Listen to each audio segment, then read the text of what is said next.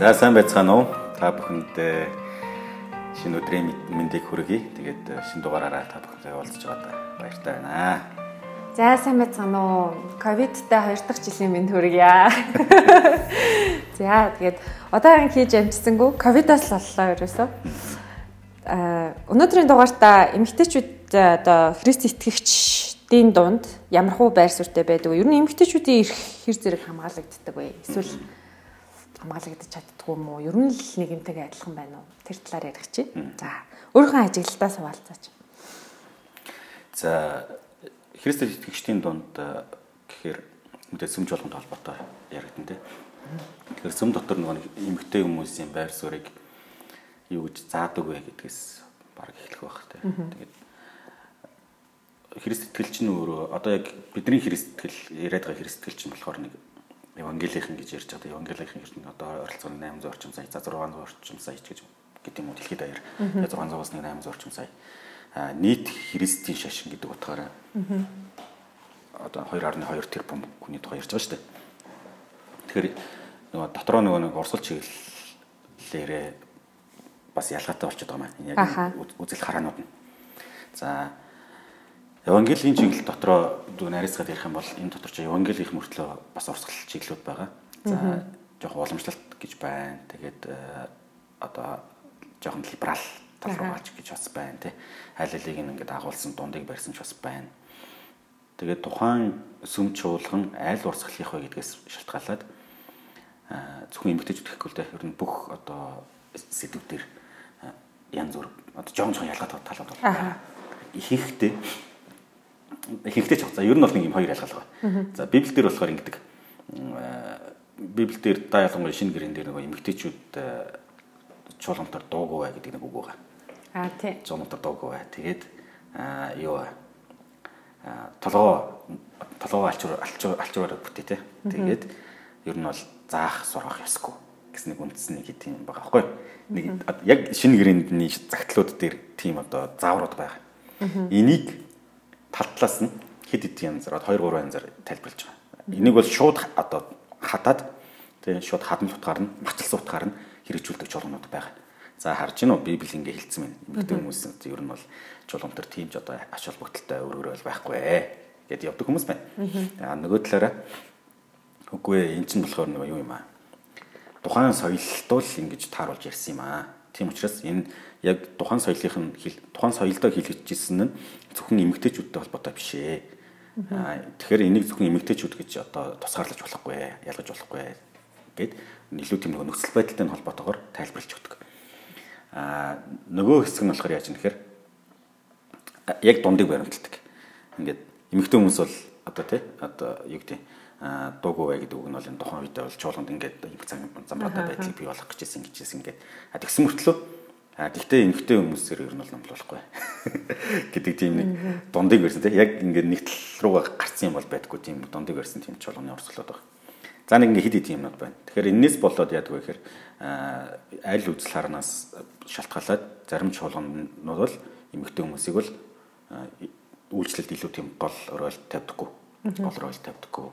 А эмгтэй хүмүүсээр тийм зааж сургах тийм одоо байр суурин дээр аваачдаггүй үйлчлэл тавьдаггүй тийм гэх мэтлэн тэгээд нөгөө талаараа гэр бүлийн талд ярьж гисэн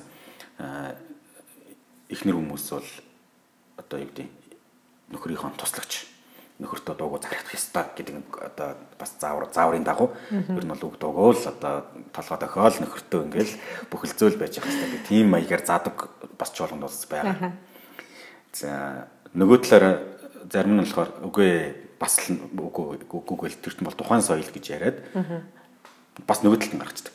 Нөгөө эмгтээчүүдийн талд. Одоо тэгээд эмгтэн хүмүүс харин ч одоо манлайлах бас бүрэн боломж байгаа гэж ярихдаа нөгөө талаараа нөгөө ирчүүдээ бас нэг жоохон ингээд ингээд ач холбогдолгүй болгочтой тиймэрхүү бас талууд ажиллагдсан.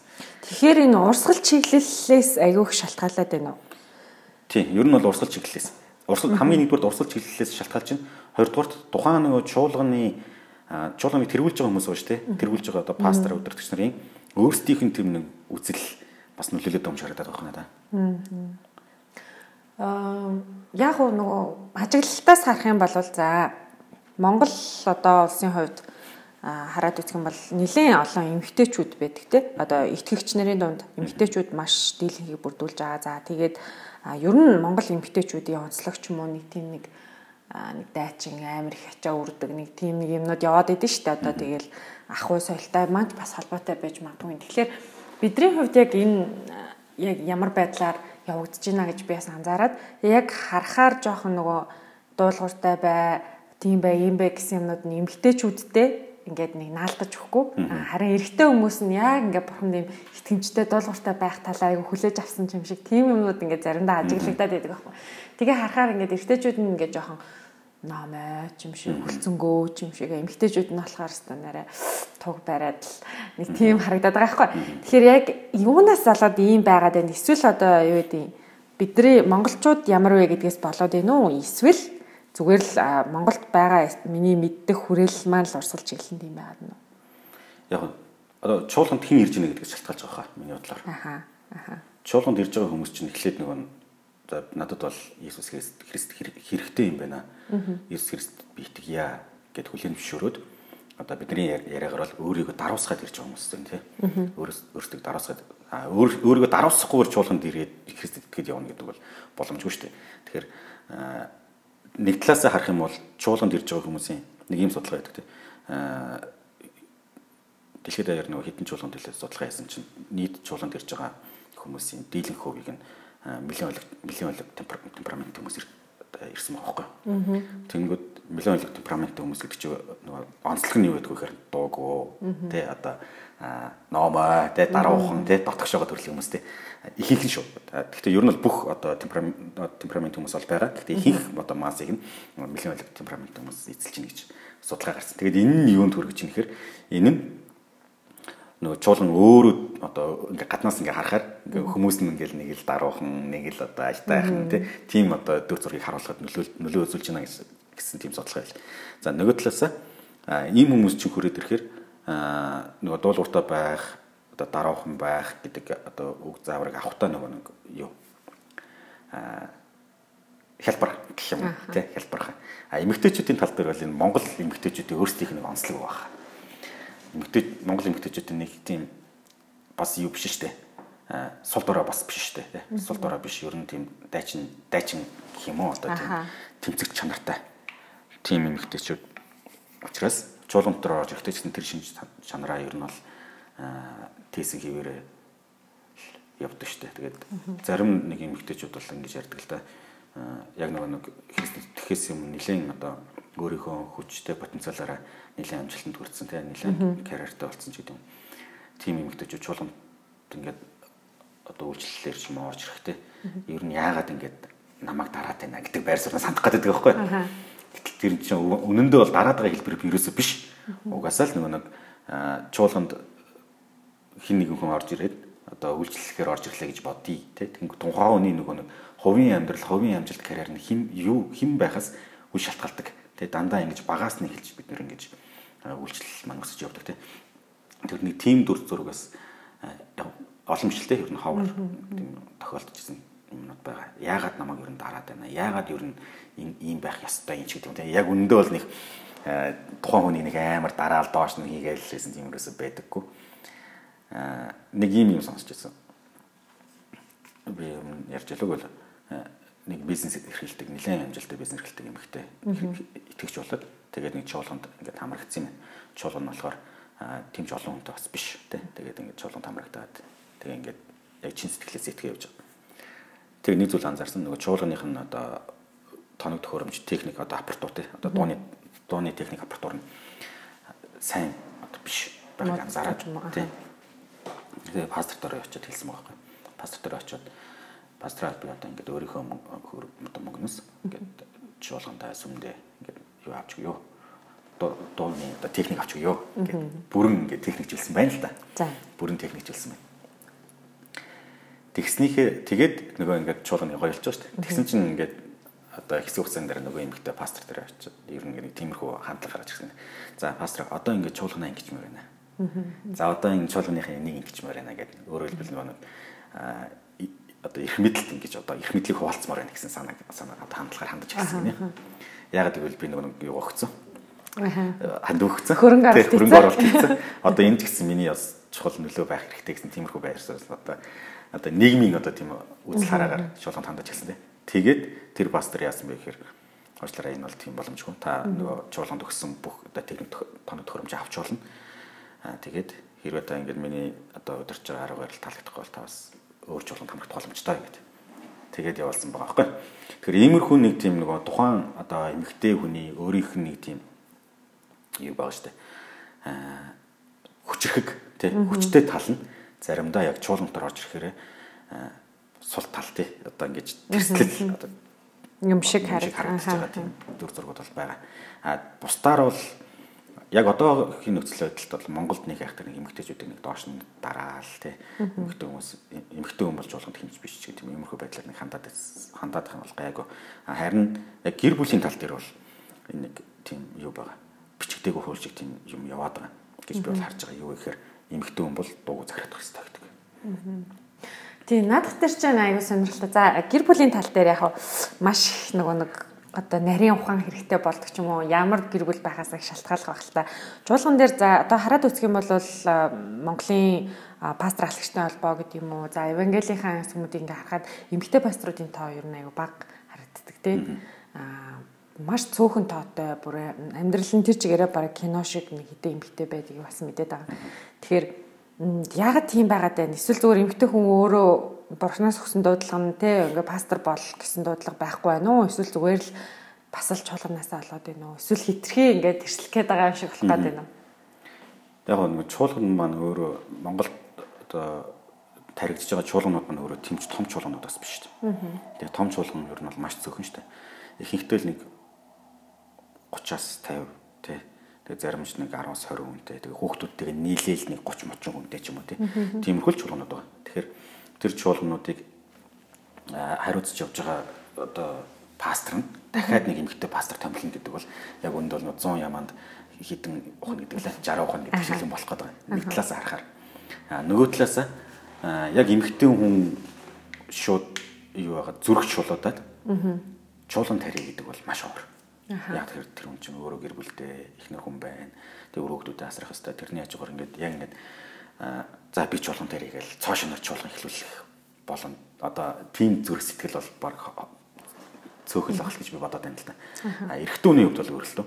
Эрэгтэй хүний хувьд яг ингээ бурхнаас дуудлага авсан гэдэгт итгэж байгаа эрэгтэй хүний одоо пастор пастор хүний хувьд бол цоо шинээр чуулган эхлүүлэхэд бол тэрэн дээр нэг юу гэдэг айгаадах юм баг байхгүй. Би бол тийж л анзаарсан шүү дээ. А гэхдээ мэдээж юу бол үнтэй ярилж байгаагаа мэдэрч шүү. Улсдаар бол нэг нэг юу бол нэг гай бахав. За эмхтэн бол томлох. Гэхдээ ийм чуулганд бол байгаа. Эмхтэн нэг пассаар томлохгүй гэдэг тийм чуулганд бол байгаа. Гэхдээ зөвхөн.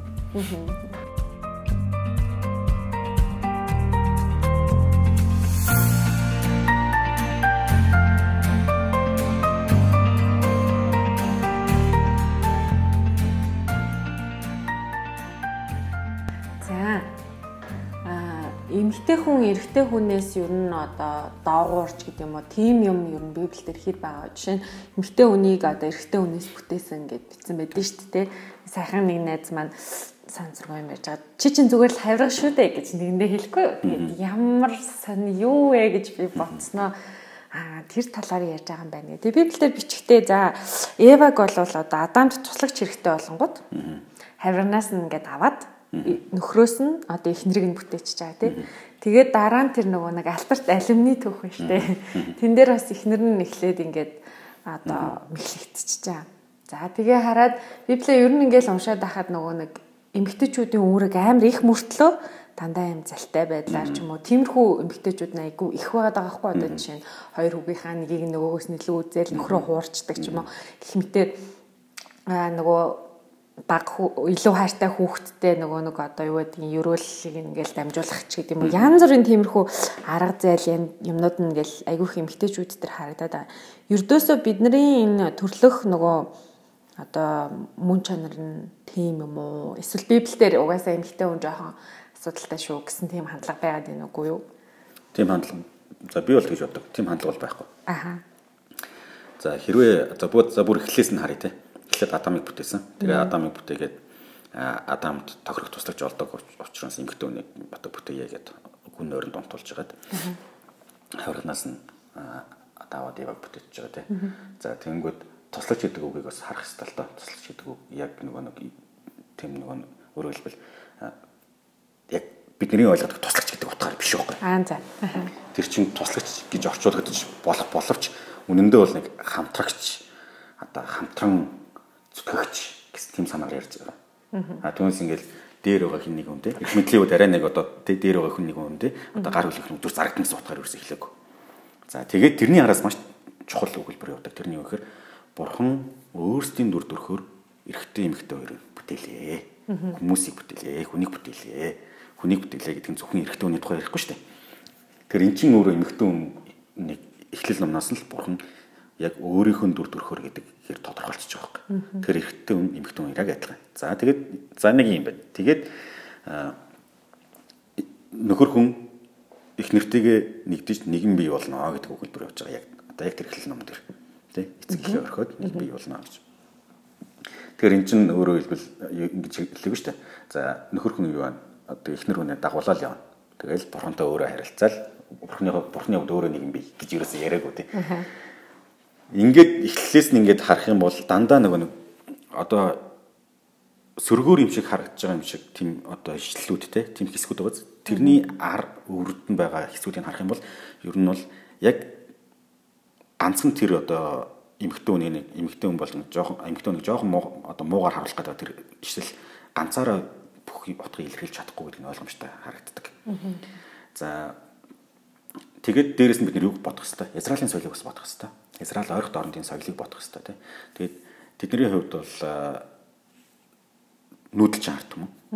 Нүүдэлчин арт юм учраас бид нар ч гэсэн яг адилхан шүү дээ. Бид нар ч гэсэн нүүдэлчин арт юм учраас эрэгтэй үнийг илүү тэгж голчилдог.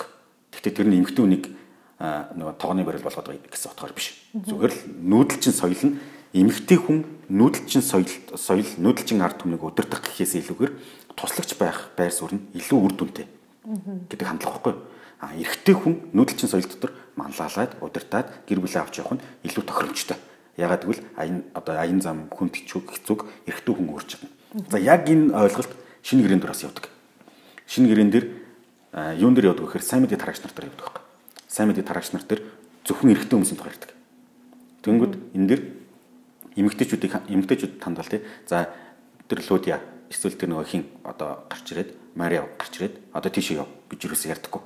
Тэ дандаа нэг эрэгтэй хүн Барнаб одоо Петр эсвэл хин бидний ингээд эрэгтэй хүмүүсийн тухай ярьж. Энэ нь юу гэхээр тухайн үед чинь манай шиг одоогийн шиг юм одоо пүрүс мөрөс байхгүй шүү дээ тий. Бензин баг гэдэг машин зэрэг байхгүй шүү дээ. Хөлөөрөө тий. Үсрээл нэг ямар нэгэн тэрэг тий. Тэгэхээр энэ нөгөө урт аян замыг л одоо тэсч дааж гарч чадна. Тэгээд мэдээж тэрийг дагаад ирэх нөгөө Христ итгэснийхээ улмаас Христийн сайн мэдгээд түгэж яхих улмаас ирэх хавчлах зовлонг даах одоо илүү одоо чадвартай чадвартай гэх юм уу? Тийм арай илүү арай илүү гэж одоо харагдахаар байхгүй. А түүнээс биш эмхтэн юу ч биш учраас зөвхөн ирчүүдийг сайн мэдээнд явуулаад байгаа юм хэрэг бол ерөөсөө биш. Тухайн цаг үед хамгийн тохиромжтой тэр. Тэгэхээр энийг бид нэр яг энэ нэг контекстээс ингэж ойлгож харахгүй юм бол шууд хадаад махчлаад ойлгох юм бол эмхтэн одоо чуулган тэргүүлж болохгүй эмхтэн чуулган тарьж болохгүй эмхтэн одоо зааж болохгүй гэдэг юм. Иймэрхүү байр сууриас ерөөсөө хандж болохгүй. Тэгэхээр одоо бол би тэр юу гэж бодох тэгэхээр хэн боломжтой, хэн өөрөө тохиромжтой тий одоо одоо соёлынхаа хувьд байна. Тэр хүн чуулганыг тэргүүлэх хэрэгтэй. Тэр хүн одоо символыг авч явах хэрэгтэй тий үг заах хэрэгтэй. Тэгээд эмгтэй байна уу, эрэгтэй байна уу гэдгээс үл хамааран одоо нөгөө бидний ярьдаг тий нөгөө нөхөр нь одоо юу биш Христэд одоо символынх нь гişүн. Эхнэр нь символыг өдөртөгч. Энэ тохиолдолд яах вэ? Тэгээд би хэлдэг Тэгэл эмэгтэй эхнэр нь өөрөө манлаараа л авч явна. Тэгэхээр би бол тэгэл харж байгаа байхгүй. Тэгэхээр энэ дээр нэг одоо юу гэдэг эмэгтэйчүүдийг нэг доош нэгээд байгаа чинь бол ер нь библиэр юм байхгүй. Эзэн Есүс ч гэсэн өөрөө маш тодорхойгоор өөрөө үлгэрлэж хараасан шүү дээ. Нөгөө хинийч одоо одоо хинч одоо тоодгүй нүгэлтэй гэж тооцогдож байгаа тэр эмэгтэй тийм эмэгтэйг уучилдаг тий одоо нүгэлт эмэгтэйг уучилдаг баригдаа чулуугаар шидүүлэх гэсэн эмэгтэйг а нөгөө талаар нөгөө самар дээр самарын нутгаар явж байхдаа худаг дээр тарлаж байгаа нэг самар эмэгтэй түүх байгаа тийм. Энэ мэт чинь өөрөө бурхан Библийн бурхан эмэгтэй хүмүүсийг үнцэнтэй гэж тооцдог гэдгийг илэрхийлдэг. Аха. энэ дээр бас нөгөө нэг ярмаар ч юм уу санагдсан нэг зүйл нь за олон олон жилийн туршид нөө буруу ойлголттой явсан юм шиг. Миний хувьд өөрөө тэгээд сүлд анзаарах нэ угаасаа бурхан би одоо ингээд эрэгтэй хөвгтэйсэн бол надад дээр гэж би боддог гэсэн байхгүй. Аа би ингээ айлын том байна. Тэгээд би эмэгтэй эрэгтэй хүн байсан бол ингээл амар те ээждээ нэмэр тус болоолч гэдэг юм уу. Ингиж амирх бодож байгаа. Тэгээд эрэгтэй хүний хийх ёстой айгүй их зүйлүүдийг ингэж үүрэх шаардлагатай тийм нэг амьдрал байсан учраас Тэгээд эргэтэйсэн бол би ингэж яахгүй, эргэтэйсэн бол тэгж яахгүй гэж аяг бодсон юм шиг байна. Ухамсартаа. Тэгээд их тэгж бодож байгаад ер нь бол би ер нь ямар ч эргэтэй хүнээс дутхгүй гэдэг нэг тим юм ингэж би болоод амар өөрхийн тухай ярьсан тэгжсэн дараа нь яасан бэ гэд тэгэхээр чадахгүй юм байна гэдэг дээр нөө нэг юм мэдчих хурж ирсэн тийм одоо би ер нь барахгүй байна ч гэдэг юм уу би ер нь яг эмгтэл хүн юм байна гэдгээ нэг юм ойлгосон тийм нэг хэсэг байсан. Тэгээ тэн дээр би юу гэж бодсон гэвэл илүү нөгөө нэг бурхны надад ойлгуулсан зүйлүүдийн нэг нь эрэгтэй эмэгтэй хүмүүсийг угаасаа ялгаатай байхаар бүтээсэн. Тэгэхээр чинь би ингээд амар юм хичээлээ хичээлээ гэхэд нэг эрэгтэй хүн шиг байж чадахгүй байхгүй. Угаасаа бүр ингээд бүх биологийн одоо тархитлагооных нь тархиных нь хим массын хэмжээ одоо тий юу гэдэг нүднийх нь ямар эдийсэн юм блээ дэ ширхгийн хүртэл ингээд өөр байгаа учраас цаанаасаа л өөрөөр боддог цаанаасаа л өөрөөр сэтгэдэг байгаа байхгүй Тэгээд тэрийг хараад за өстө нэрэ баг нөгөө нэг эрэгтэй хүний дата ингээл лаг мундаг байгаа ингээл хүмүүс хүмүүс ингээ хар. Гэтэл эмэгтэй хүн ер нь л нэг тийм өөрөө тийм байх гэж айгүйх анзаарсан.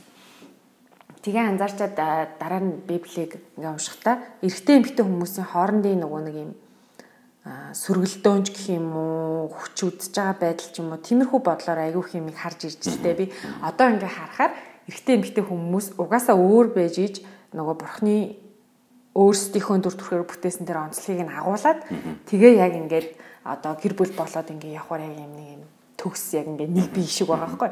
Тэгээж ингээд хараад аа за за ер нь бол ингээд нэг тийм хүлтэйл тэнцэлтэйл за энэ амар лаг толготой хүүхдээ нэнээс илүү гараа би эмгтэй юм чин дотно гэсэн үг биш миш гэдэг тийм юм одоо биш болчихж байгаа юм л да. Тэгээ харахтаа ер нь эрэгтэй эмэгтэй хүмүүсийг хоорондоо тэнцэлтэйсэ гэж угаасаа бурхан бүтээгээгүй.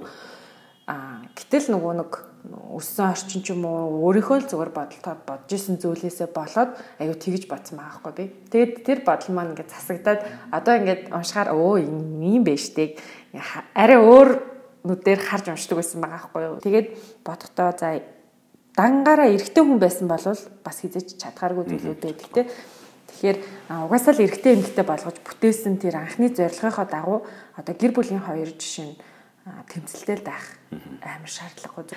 Феминизм гэл нэг яриад байдаг дээ. За эмэгтэй хүний эрх ингээд зөрчигдөж байна наа наа наа. Тэгээ тэр нь эсрэгээрээ яваад юу харагдаж байна вэ гэхээр эмэгтэй хүн эрэгтэйчүүдээс илүү ингээд чанга дуурах хэрэгтэй ч юм уу тий? Илүү их эрх нь хамгаалагдах хэрэгтэй одоо магадгүй илүү хүчтэй байж иж амьдрал бол явна. Эсвэл эмэгтэйчүүдийн дуу хоолой эрэгтэйчүүдийг ингээд чимээгүй болгож явах хэрэгтэй гэдэг шиг тийм өнцгөөс илүү байгаа гэж бодоод байгаа юм. Тэгээ одоо залуу эмэгтэйчүүд маш олон хүчрхэг ингээ эмэгтэйчүүд сонсож байгаа юм бол ер нь бол тийм биш юм байна.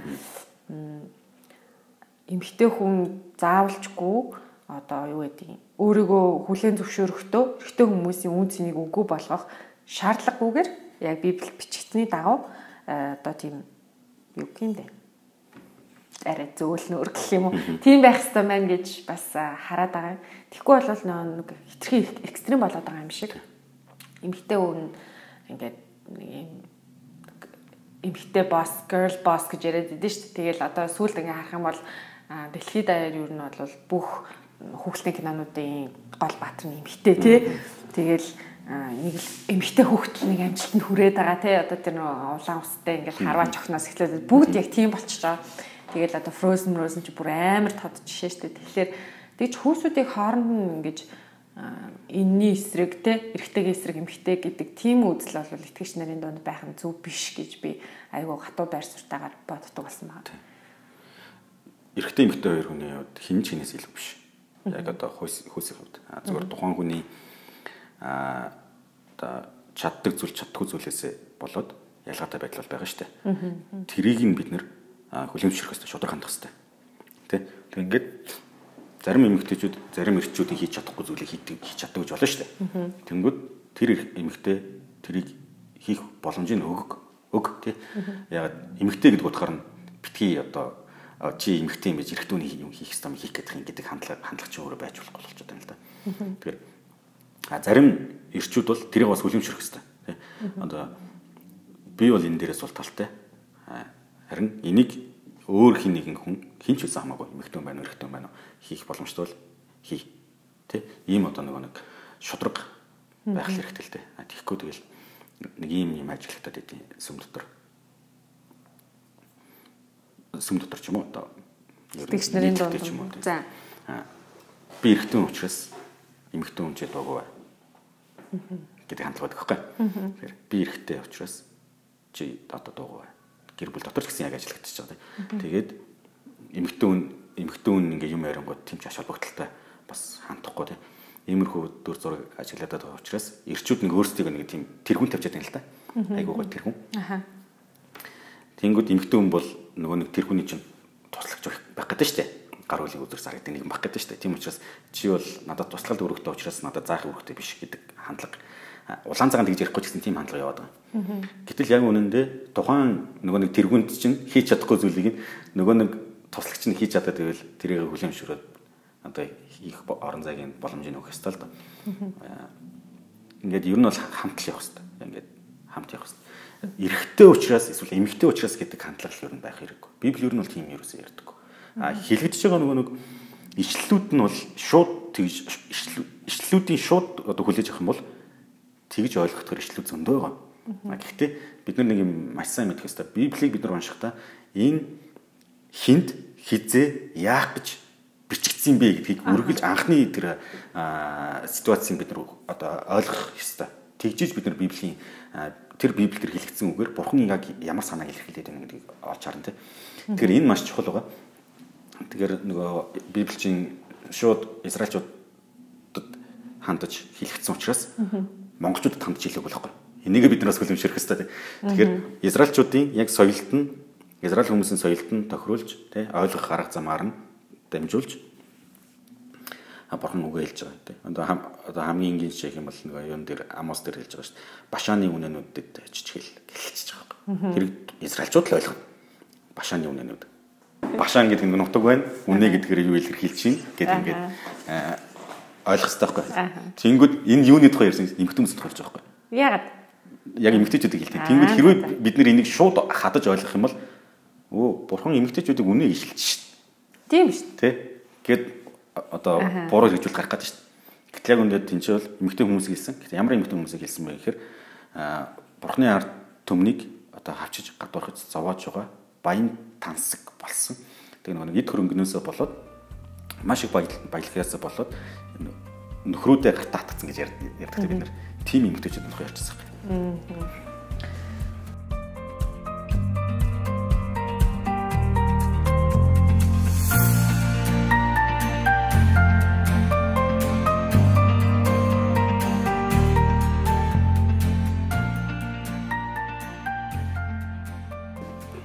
Аа. нөхрүүдээ гартаа атгсан гэж. Яг сүлд нөгөө нэг соёлын онцлогтой холбоотой ном уншаад гэдээ ярьж шүү дээ. Тэгээ харахад ер нь бол нөгөө нэг артлал нь эмгтээчүүд нь ингээд хамгийн хайрууцаал үлдчихэж байгаа тий. Нэг тийм нэг дүр зураг нүүдэлчин ард түмэнд ялангуяа одоо ингээл за адууга алдчихлаа. Адуундаа явлаа гэл байхгүй. Хичнээн жууддیں۔ Тэ тэгэхээр нөгөө нэг эргээд бас нөгөө талдаа юу юм гэхээр за хэрэгт итгэгч болонгуудаа зарим эмгтээчүүд ийм байгаа байхгүй одоо нөхөр л мэдэх хэвээр нөхөр ингээд те захирна гэж байна. Нөхрийнхөө үгэнд орно гэж байна гэд тэгээд тэгэнгუთ юу гарч иж ин гэхээр нөхөр нөгөө нэг өмнө нь тэгж гол үрэг гүйцэтгэж байгаагүй явцсан болохоор мэдгүй ингээд айгүй юмд гарч ирээд байгаа байхгүй. Тэгээд мэдгүй байгаа гэдгийг харуулахгүй нөгөө эхнэрийнхээ итгэлийг алдахгүй гэж бас хичээгээд байгаа юм шиг байгаа. Гэтэл өмнө нь ингээд зохицуулаад болоод ирсэн юм а хийж чадахгүй дээрээ тулаад бас нэг юм сонин юмнууд гарч ирнэ. Тэгэхээр гэр бүл дэх эмэгтэй хүний үүргийг библиэлд бас яг юу гэж зааж өгсөн байд юм бэ? Ахын талаас нь л ерөөс юм шүү дээ. Аха. Ахын талаас нь тий өглөө болго аяга аваа гэж хэлээгүү. Эсвэл одоо зөвхөн өр хөхтэй асар гэж хэлээгүү тий.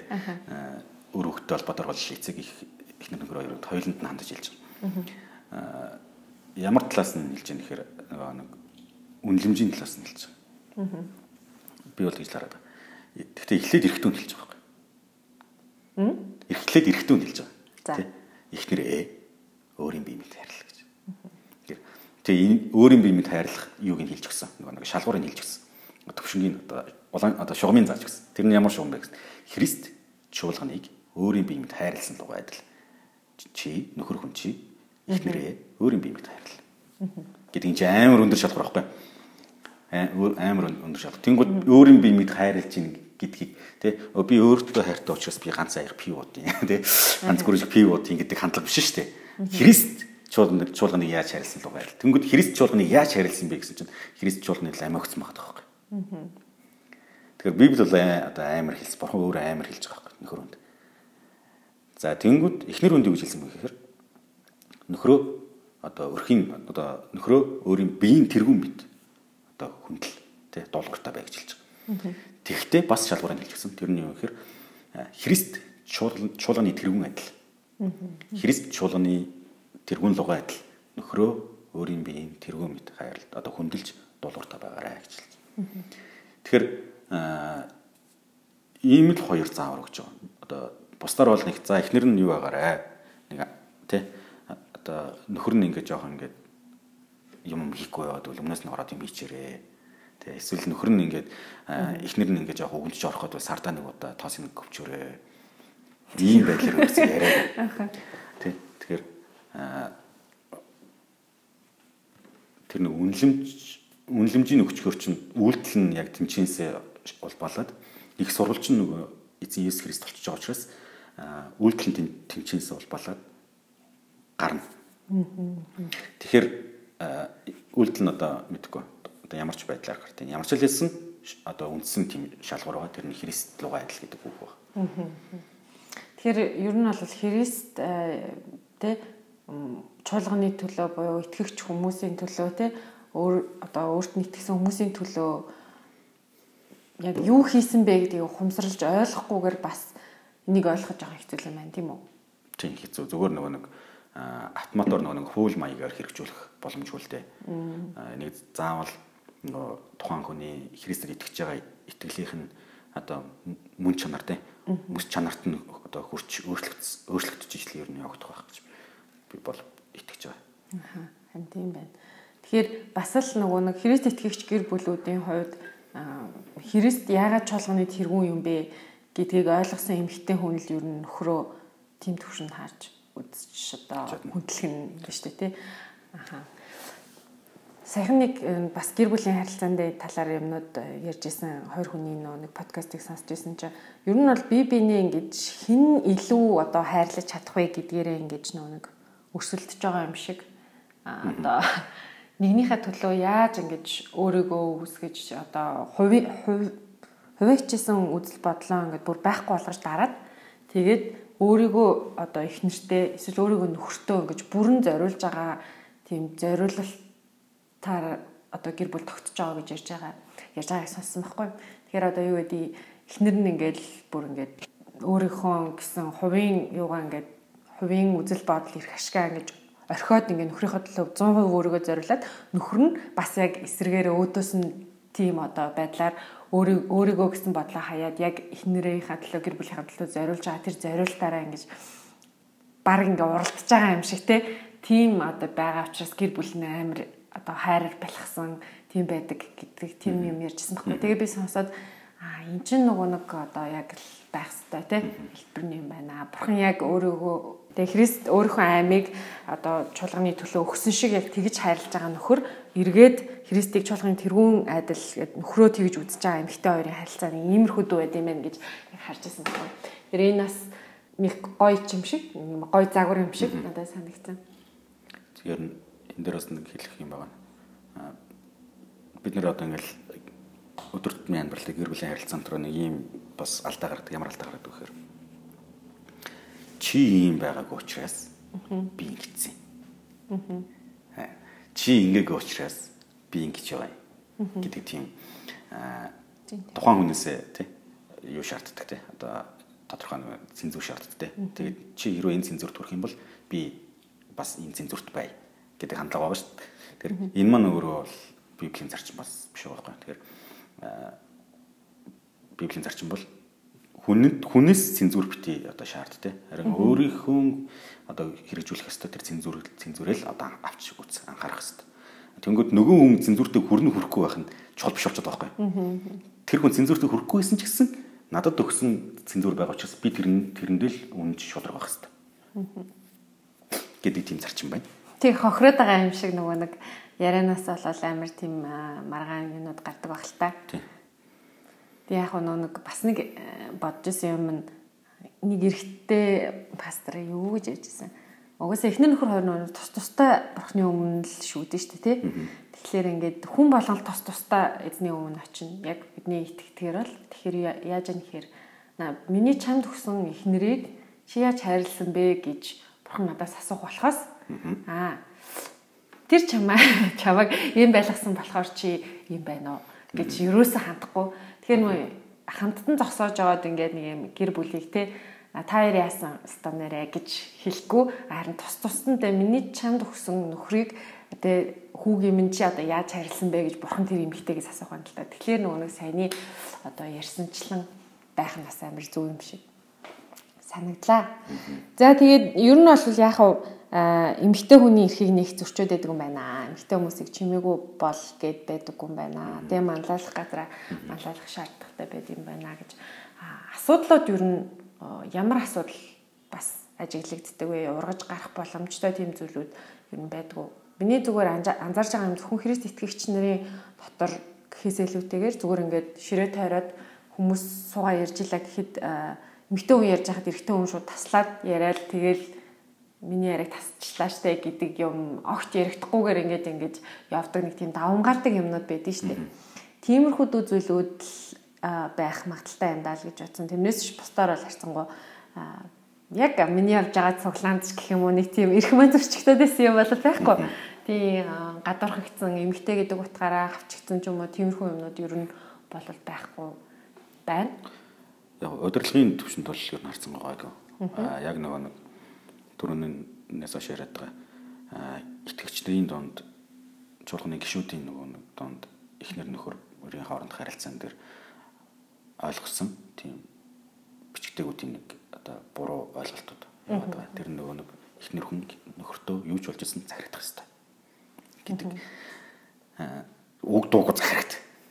Тэгээ энийг нь гол нь ягаад би нэг ингэж асуудал гэж гаргаж ирээд юм гэхээр энийг нь гол нь хин ярьдаг вэ гэхээр нөхрүүд нь ярьдаг. Тэ. Одоо нөхрөх нөхрүүд их нэртэй энэ шаардлагыг тавьдаг байхгүй. Тэгэхээр одоо за манайч болгонд бол бас би нэлийн одоо олгоод ажил ажиллаж байсан. За би нөхөр учраас чи надад царайдах ёстой гэдэг хандлага айгүйх одоо нөхрүүд нь яриад байгаа. Уг нь бол нөхөр хүн за би нөхөр учраас би чамайг хайрлах ёстой гэж өөрийнхөө түгээс ярих ёстой шүү дээ. Библи бол тийм л юм ярьж байгаа. А гэтэл нөгөөх чинь өөрийнхөө тухай ярихгүй их нэртэй их нэрт нь хэлсэн зориос үгийг барингуудаа харж гинөө. Дууг захирагдсан байгаа сте. Чи захирагд гэдэг ийм яриад байгаа. Тэгээд олон хүмүүс надаас тэгж асуужсан байгаа. Жожо Библи тэгж хэлдэг үстэй. Эхнэр нөхөртөө захирах ёстой үстэй. Гэт эхнэрийн талаа надаас сууддаг. Ингээд тэгж хэлсэн. Гэхдээ наа чин одоо чам тамагч та гэдэг. Чамд хэлсэн үг биш шүү дээ гэж би одоо хэлдэг байхгүй. Тэгэхээр энэ яг ийм нэг буруу мессежээр одоо итгэлийн зөөрийг тавилдсан гэр бүлүүдийн хувьд бас олон эхнэрүүд тэгж одоо бас боддог юу гэж боддог би тэгэл зүгээр ингээл зовоод байх хэрэгтэй юу гэдэг асуулт асуудаг байхгүй. Нөхөр нь нөхөртөө би дуугүй зархтаад л байх юм бол зархах ёстой бол би захирагдъя. Гэхдээ нөхөр өөрчлөгдөхгүй ингээл он удаан жил явах юм бол би тэгэл зовоод л байх ёстой юу? Би ингээл зодуулаад л байх ёстой юу? Би ингээл хүчирхийлэлд өртөөд л байж явах ёстой юу? Би итгэгч хүнийхээ хувьд би дуулуутаа захираг захирагдана. Гэхдээ чи шудраг бус юм биш үү гэдэг тийм яриад. Ер нь бол ингээд юун талаас нь харах юм бол нийгэм талаас нь харах юм бол үн тийм бас тийм. Ингээд чи дууг захирахдаг библи хэлцнийг хэрэг буруу ойлгох юм бол тийм. Гэтэл одоо тэгвэл тийм тохиолдол яах вэ? Тим кейс байл яа. Одоо нөхөр нь ингээл зодоод идэг. Тэ балбаад идэг. Тэ тэгээд бид нар өмнө ярьж ирсэн. Тэнгүүд нөгөө эхнэр нь нөхөртөө дууг захирах хэрэгтэй гэд чимээг байгаад идэг. Яаж ч болтгүй. Ийм тохиолдолд яах вэ? Энэ үг яг хэрэгч юм. Хэрвээ би ингээд одоо нөхөртөө зодуулахгүй гэдэг би зүгээр ингээд хаяа явчихвал би дуулуургүй загнасан болох уу гэдэг асуулт гарна. Тэгэхээр иймэрхүү одоо асуудлуудад яг энэ эхнэр нөхрийн одоо хоорондох одоо эмэгтэй эрэгтэй хоёрын хоорондох хэлсэн тэр үнэлэмжийн асуудлыг буруу ойлгох юм бол аа яг буруу хэрэгжүүлэлт гаргаад тэгээд хов хүн өөрөө зовох тий илүү их шаналлах их Христэд итгэснээсээ болоод бүр стресстэй тий бүр зовлон шаналд автах боломжтой байгаа юм. Тэгээ яг зөв нь яг юу юм? Тэгэхээр зөв нь бол юм байна шүү дээ. Хэрвээ тий хин нэг хүн намайг алах гэдэг би амиа хамгаалах хэрэгтэй шүү дээ. Аа. Яг тэгж битсэн байгаа юу? Ер нь бол ингэж үзэж байгаа тий. Одоо Библи бүхэлдээ юу ярьж байгаа гэхээр амралтын өдөр нүхэнд өхөр унсан байхад Та нар очиод гаргадаггүй юу? Тэгвэл амралтын өдөр би амь аврах нь түүнээс илүү биш гэж юу? Эзэн эсрэг дандаа нэг амьд толгой юм ярьдаг тийм амиг дээдэл. Өөрөөр хэлбэл хин нэгэн хүний амиг аварчлаа гэвэл өөр ямар нэгэн зүйл тийм бичигдсэн хуулийг зөрчих нь илүү шүү дээ гэж ярьж байгаа. Тэгэхээр бичигдсэн хуулийг зөрчихгүйгээд хин нэгэн хүн амиа алдах юм бол энэ чинь ярин шудраг болсон дээ гэж ярьж байгаа. Амиг дээдлэх үзлийн талаар нэлээд их юм ярьж болно л доо. Харин тийм тий. За тэр яг уу яг эмгтээчүүдийн эрх одоо яаж зөрчигдөж байгаа вэ гэдэг талаас харах юм бол артангуугаагүй. Ерөнхийдөө харин гэр бүлийн хүчрхийл гэх юм уу эсвэл амиг дээдлэх үзэл эмгтээ үнийг одоо өнгөөдүүлэх хүн цэнгүү болгох талаар гэх юм бол а нийгэмдэр байгаа одоо асуудлууд бас юугүй чуулганд ингээд хэцүү асуудлаас цогтож хурж иж байгаа хүмүүс бас аюух байдаг те. Тэгээ ингээ харахаар харин ч нөгөө нэг өөрийнхөө үн цэнийг ойлгоод эмэгтэй одоо хүчрхэлт байсан эмэгтэй хүн ч юм уу өөрийнхөө үн цэнийг ойлгоод а би чинь ингээд те миний төлөө бурхан ингэж өхөөц хэмжээний үн цэнтэй хүн байсан юм биш үү гэдгийг ингээ ойлгоод тэр нэг юм хэцүү хүчрхийллийн циклээс гарч байгааг хардаг байхгүй би. Тийм болохоор харин ч одоо бидний итгэдэг бурхан болохоор амиг дээдлэх үзлийнхаа дагуу а яг шударгаар те хүн болгоны үн цэнийг яг өгдөг өгдөг учраас нэгний нөгөөс нь илүү гэж үзсэн юм ерөөсөй байхгүй гэж л би бол итгэж үнэмшиж яваад байгаа. Юм. Тийм тэгэхээр эрэгт бурхан эрэгтэй хүнд илүү хайртай эмэгтэй хүнд хайртай юу гэдэг юм ерөөсөй байхгүй. Бас бүгдийг бүтээсэн учраас бүгдийг нь бүтээсэн учраас хүнийг болгоныг бүтээсэн учраас. Аа тэгээд эрэгтэй эмэгтэй хүүхдүүдийг бас өсгөх тал дээр ч юм уу ялгаа энэ төр юуч бичээгүй байдаг тий зүгээр хүүхдэл гэж байгаа тийм. Хүүхдүүд ер нь бол тэгэл бас л нэг адилхан хүүхдүүд эцэг эцэг ихээ хүндэл. Тэ эцэг ихээ хүндэл тэгээд би одоо хүүхдтэй тэр хэлж болохгүй нь шүү дээ. Тэр надад хамаагүй байна. Хүүхдүүдэд л хандж байна тийм. Тэгээд эцэг эхчүүд болохоор хүүхдүүдээ бурхны үг завраар явах явдаг нэгэн болгоход нь тусал гэж хэлж байгаа. За ингээд өнөөдрийн маань шин дугаар маань ингээд энэ энэ хүрээд өндөрлөж байна подкаст минь хамт байсан хамт байгаа байх гэж байгаа. Та нартай маш их баярлалаа. Тэгээд дараагийн дугаар хүртэл түр баяртай. За баяртай.